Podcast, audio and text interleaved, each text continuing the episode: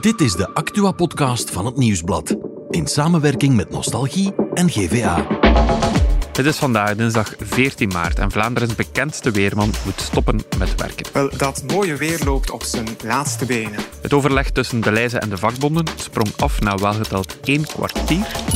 En in Halle staan er 15 kermiskramen van één familie op de voor. Maar met onze insider van vandaag hebben we het over het proces van de week. Het proces Reuzegom natuurlijk, waar 18 leden terecht staan voor de dood van Sambadia. Na één dag is de vraag waarom laten de kroongetuigen niet het achterste van hun tong zien. Ik ben Bert Heijvaart, welkom bij de Insider. Wie? De twee schachten die samen met Sandadia hun doop deden. Wat? Het proces Reuzegom. Waarom? Omdat ze niet openlijk partij kiezen tegen Reuzegom. En dat is opvallend.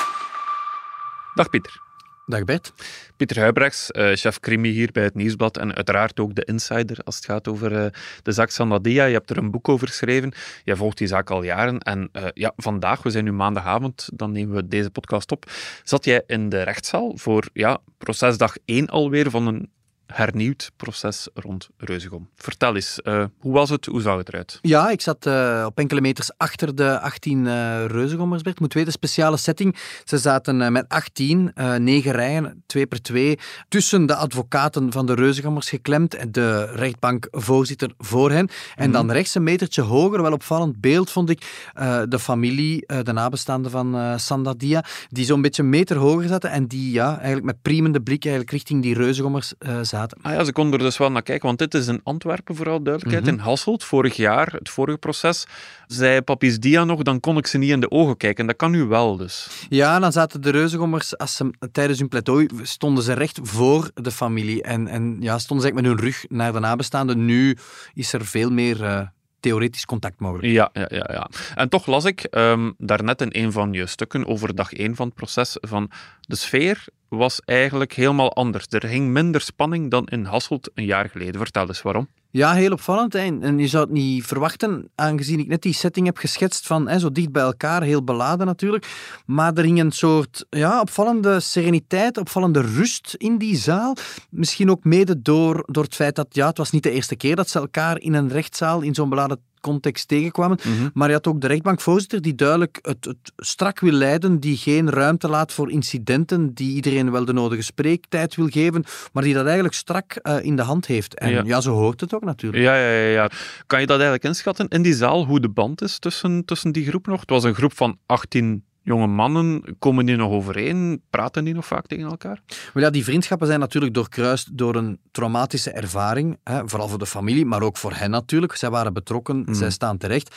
Dus wat je merkt ook tijdens de pauze, sommigen gaan nog wel samen een sigaretje roken of, of gaan samen na de zitting naar huis. Dus er zijn overduidelijk nog vriendschappen. Dat is ook klikjes zo. Ja, ja, Maar ik denk niet dat ze met 18 nog samen op vakantie gaan bijvoorbeeld. En meteen na Sanda's doop waren er wel zo van die collectieve wandelingen die ze organiseerden, ja. maar dat is voorbij. Ja, ja, ja, ik vraag het ook omdat er uh, net voor de zitting begon, was er een opvallende quote van advocaat Pieter Helzen, advocaat van uh, Kelter, een van de reuzengommers. En die zei dit. Als het Hof zich bevoegd acht, dan hoop ik dat men gaat individualiseren. Hè, want men spreekt over het dossier Reuzegom, maar studentenclub Reuzegom wordt zelf natuurlijk niet vervolgd. Het zijn 18 uh, leden hè, en het Hof zal voor ieder van die 18 leden moeten nagaan waar waren zij, wat hebben zij gedaan en dragen zij wel of niet individueel mogelijk verantwoordelijkheid voor het overlijden van Sandadia. Ik vond dat een opvallende quote, Pieter, omdat ik denk, ja, die reuzengommers lijken vaak naar buiten te komen als een hechte groep, maar deze advocaat stuurt op iets anders aan, stuurt op een individuele behandeling aan. Ja, en zo hoort het natuurlijk ergens ook, want het is nu de taak van justitie om te bekijken welke reuzegommer heeft precies wat gedaan, heeft ook misschien wat niet gedaan, ja. wie heeft wanneer ingegrepen. En, en advocaat Helze is advocaat van de enige geneeskundestudent in dit verhaal, Kelter. Mm -hmm. Niet onbelangrijk, hè, want dat is degene die finaal op de dag 2 van de doop zegt van we moeten nu naar het ziekenhuis. Dus die ja. neemt wel initiatief. En ik denk dat uh, advocaat Helzen doelt van kijk, mijn cliënt heeft op zijn minst wel meer verantwoordelijkheidszin getoond dan de rest. Ja. Wie wat gedaan heeft, wordt heel belangrijk in dit proces. Um, de vraag die vaak terugkomt is ook die van de visolie. Wie heeft de visolie uiteindelijk toegediend aan uh, Sandadia? Er zijn eigenlijk twee mensen die dat zouden kunnen duiden. Dat zijn de schachten die samen met Sandadia in de put zaten. En die werden vandaag ook ondervraagd. Of dat stond toch tenminste op de planning. Wat is daar juist gebeurd? Ja, we hadden dus eerst de vordering van het Openbaar Ministerie, die dus de strafeisen heeft geformuleerd. En dan was het de beurt aan de schachten. Uh, advocaat van de, van de twee schachten die destijds in de put zaten. En Chris Luiks uh, heeft eerst zijn pleidooi gehouden. Opvallend kort pleidooi. Hij gaf heel duidelijk te kennen van, kijk, het is niet onze taak om hier de eerste viool te spelen van de burgerlijke partij. Dat vond ik heel opvallend.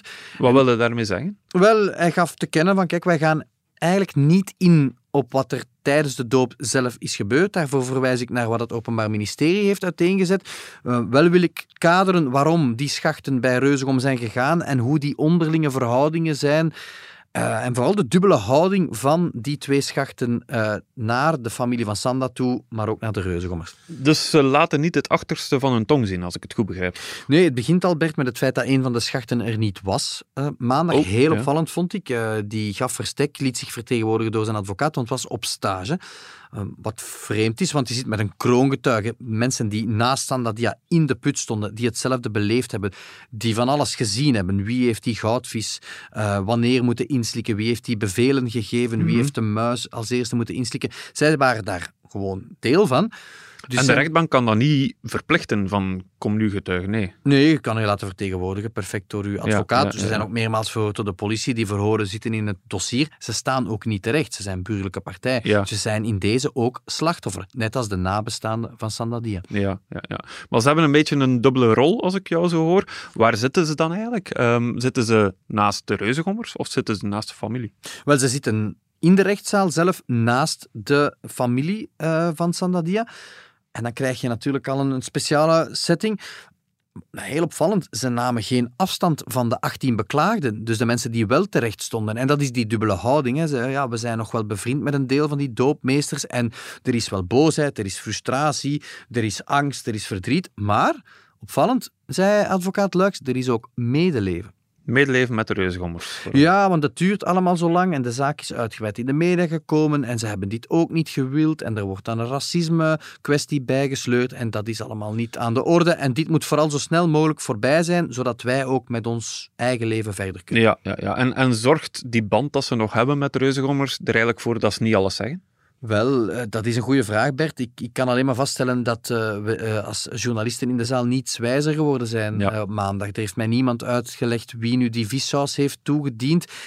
Ja, en je krijgt zo'n beetje het onheimelijke gevoel, net ook omdat ze aankondigden van we gaan hier niet de eerste viool spelen en we gaan het eigenlijk niet over de doop hebben, dat ze toch niet meteen het achterste van hun tong ja. hebben laten zien en dat ze hun vrienden van Reuzegom voor een stuk uh, zij het gewild, ongewild toch een beetje beschermen. Ja, ja, ja.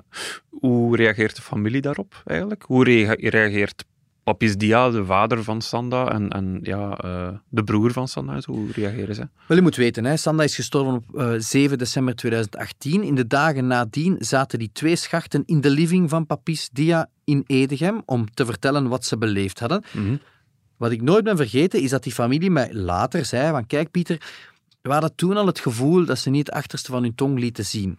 Kijk, als je dan um, op zo'n cruciaal moment, het is de zitting, je hebt er twee kroongetuigen, één van hen is er al niet, ja, dan heb ik toch het gevoel dat de familie weinig wijzer is geworden. En dat gevoel, ik, ik zag Papis Dia bijvoorbeeld ook zo leunen op zijn linkerhand en amper naar die schacht kijken. Ik vond dat eigenlijk heel veelzeggend. Ja. Nu, Pieter, opvallend ander feit van de dag. Um, er zijn ook straffen geëist door het Openbaar Ministerie, zoals dat dan gaat. En ik las dat voor drie reuzengommers er een minder zware straf is geëist dan in Hasselt, dan een klein jaar geleden. Ja, voor 15 van de 18 beklaagden is dat hetzelfde gebleven, variërend van 18 maanden cel tot en met uh, 30 maanden cel. Mm -hmm. Voor drie protagonisten zijn de uh, Zaatje, de Prezes, uh, de Schachtentemmer, Janker en Strontvlieg, en voor alle duidelijkheid zijn de bijnamen van de, de reuzengommers, ja, ja, ja. is er een opvallende strafkorting voorlopig. Hè. Zij riskeren respectievelijk 40 maanden, 50 maanden en 24 maanden cel. Ja, ja, ja. dat is iets minder. Dat is een korting van ongeveer 10 maanden dat geëist wordt. We zullen nog zien of ze effectief die, die straffen krijgen. Maar waarom is dat eigenlijk? Waarom, waarom riskeren ze nu minder straf? Ja, je moet weten, Bert, dat is in strafrecht is dat niet zo heel gek. Je hebt eerste aanleg en dan beroep. Er komt een andere procureur in het spel, die herleest het dossier en die heeft nieuwe inzichten. En die, ja, die, die, die... Dat is gewoon een interpretatie. Het is niet dat er iets gebeurd is intussen, nee. Nee, er is niks gebeurd. Bijvoorbeeld voor, voor Strontvlieg is er wel een psychiatrisch verslag toegevoegd. Speelt dat een rol? Dat zal nog moeten blijken. Ja, het gaat nog altijd wel om gevangenisstraffen die geëist worden. Is dat realistisch? Dat ze die effectief ook krijgen, dat die naar de cel zullen moeten gaan? Wel, ik had altijd gedacht bij aanvang dat dat niet realistisch was. Hè. Dat het meest plausibele scenario is dat zij een straf met uitstel gaan krijgen, weliswaar van meerdere jaren. Maar een van de advocaten zei me vandaag, zei maar Pieter, kijk, dat valt allemaal niet uit te sluiten, want stel dat, uh, ik zeg maar iets, de prezes vier jaar cel krijgt, effectief, mm -hmm. ja, dan moet je dan wel naar de gevangenis. cel. Ja, ja, ja, ja. Dus dat valt af te wachten.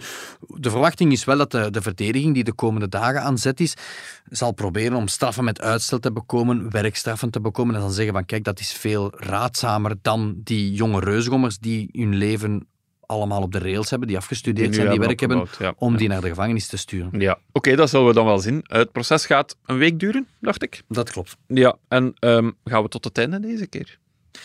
Dat is wel de verwachting. Er was veel sceptisch bij aanvang van kijk, het proces gaat hier weer stranden en we willen terug naar Hasselt. Maar ik merk een zekere eh, gemoedelijkheid bij de advocaten van de Reuzengommers. Zo van kijk, we zijn hier nu, iedereen wil dat het vooruit gaat. Er moet ooit een proces komen. We gaan onze verantwoordelijkheid niet ontlopen. We gaan gewoon... We zijn nu voor het Hof van Beroep in Antwerpen. We gaan ervoor, we blijven hier. Dus Ja. ik denk dat die juridische discussie relatief snel beslecht zal worden. Ja, oké. Laten we hopen voor alle partijen dat dat inderdaad eh, deze week gebeurt. En ja, we horen jou en we zien jou waarschijnlijk ook nog wel terug. We horen jou zeker in de podcast De Stem van Assisen, onze True Crime podcast van het Nieuwsblad.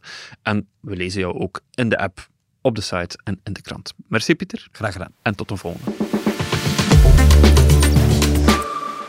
Nog over naar het andere nieuws van vandaag en daarvoor is Joni erbij komen zitten. Dag Joni. Dag Bert. Joni, ik vond het een beetje trist nieuws deze ochtend, want deze man gaat op pensioen. Morgen begint de dag zoals die vandaag begonnen is, met een prachtige zonsopgang. Maar na de middag komen vanuit het westen de eerste wolken aanzetten. Regen zit er gelukkig nog niet in. Dat is Frank de Bozere. Dit was zijn eerste weerbericht in 1987 en zijn laatste komt er nu al heel snel aan. Ja, volgende week maandag op 20 maart gaat hij zijn allerlaatste weerbericht presenteren. Pink een traantje weg. Ja, ik ook wel eigenlijk. Maar eh, ja, we wisten eigenlijk al dat hij op pensioen ging gaan. Normaal officieel op 1 september, maar nu komt dat vertrek dus vijf maanden vroeger, omdat Frank zoveel vakantiedagen had opgebouwd. Ehm, en dus ja, die nog moet opnemen En voor niet werken. Ja, het verbaast me nu, want Frank, ja, Frank was er altijd. Ja, Eh, elke dus, dag. eh, ja, het is dat. Eh, misschien moeten we hem eens bellen hè, voor Ja, deze podcast. zou wel een goed idee zijn, denk Ja, ik. dat hij hier het weer kan komen presenteren. Anyway, ehm, ander nieuws vandaag natuurlijk. Er stond ook nog een overleg gepland tussen de Leize en de vakbonden van de werknemers daar. Hoe is dat verlopen? Ja, daar is niet veel uitgekomen eigenlijk. Het gesprek werd een week geleden aangekondigd. Er waren hoge verwachtingen, maar het heeft wel geteld een kwartier geduurd. De directie bleef bij haar standpunt om de 128 supermarkten over te dragen aan zelfstandigen. Ja, en de werknemers gaven aan dat ze daar niet tevreden over waren en alvast de stakingen gaan voortzetten tot Oké, wanneer ze wel wordt vervolgd, eh, dat is duidelijk. Is er nog nieuws van ons favoriete rubriekje, de regio? Ja, zeker. Uit Halle. Daar opent Flora Severs haar eigen frituur. En daarmee is ze de vijftiende van de kermisfamilie, de Paraplucus. Alweer een winnaar. Het is begonnen met een parapluverkoper die een kermismolen opkocht en een hele carrière-switch doormaakte. Maar ondertussen heeft de familie ook een lunapark, een viskraam, botsauto's en dus sinds kort twee frietkramen. Oh, als je dan zo de Mimi of Pippi bent van de familie en je moet met die kleinkinderen langs Ja. al die kramen, veel geld kwijt. Ja. Inderdaad. Ja, oké, goed. eh, bedankt Joni. Ehm, mogelijk zien we elkaar op de voor in Halle, ofwel zien we elkaar gewoon morgen terug in de studio voor nieuw